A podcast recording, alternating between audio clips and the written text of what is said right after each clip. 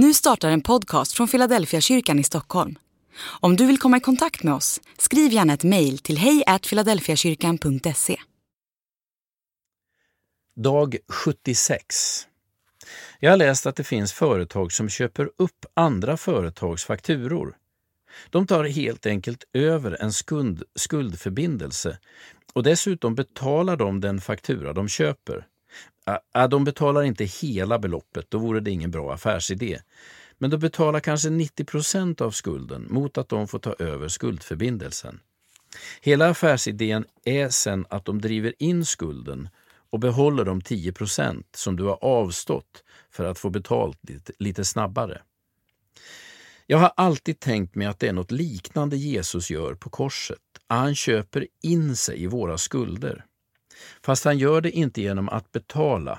Det är ju ingen ekonomisk affär det är frågan om.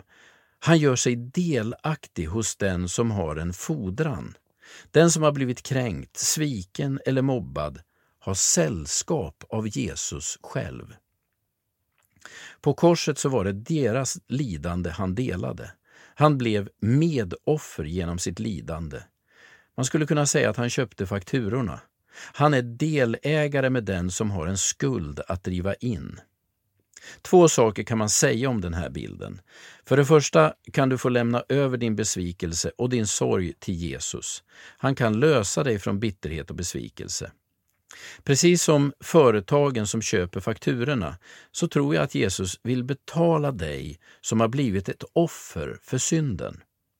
Om du medvetet låter Jesus dela din besvikelse och smärta så kommer han att ersätta dig, men inte med kontanter eller materiella saker, utan med välsignelse.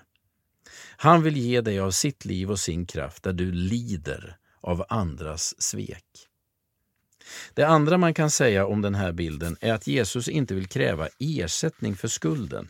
Han vill försona och efterskänka den. Lukas berättar om e-, ett annat ord från Jesus på korset. Jag har redan citerat det och Jesus uttalar orden när han ser på sina bödlar. Han säger Fader förlåt dem, de vet inte vad de gör.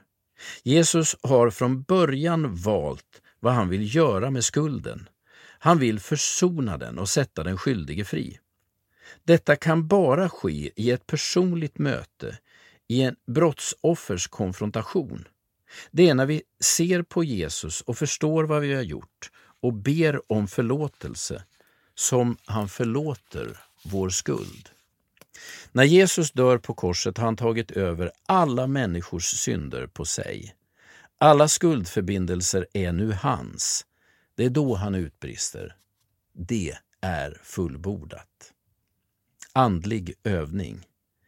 Vi är alla både skyldiga och offer för synden. Alla har vi blivit drabbade. Försök att idag lämna över din besvikelse till Jesus. Han har delat din känsla helt och fullt. Be att hans förlåtelse fyller ditt hjärta istället.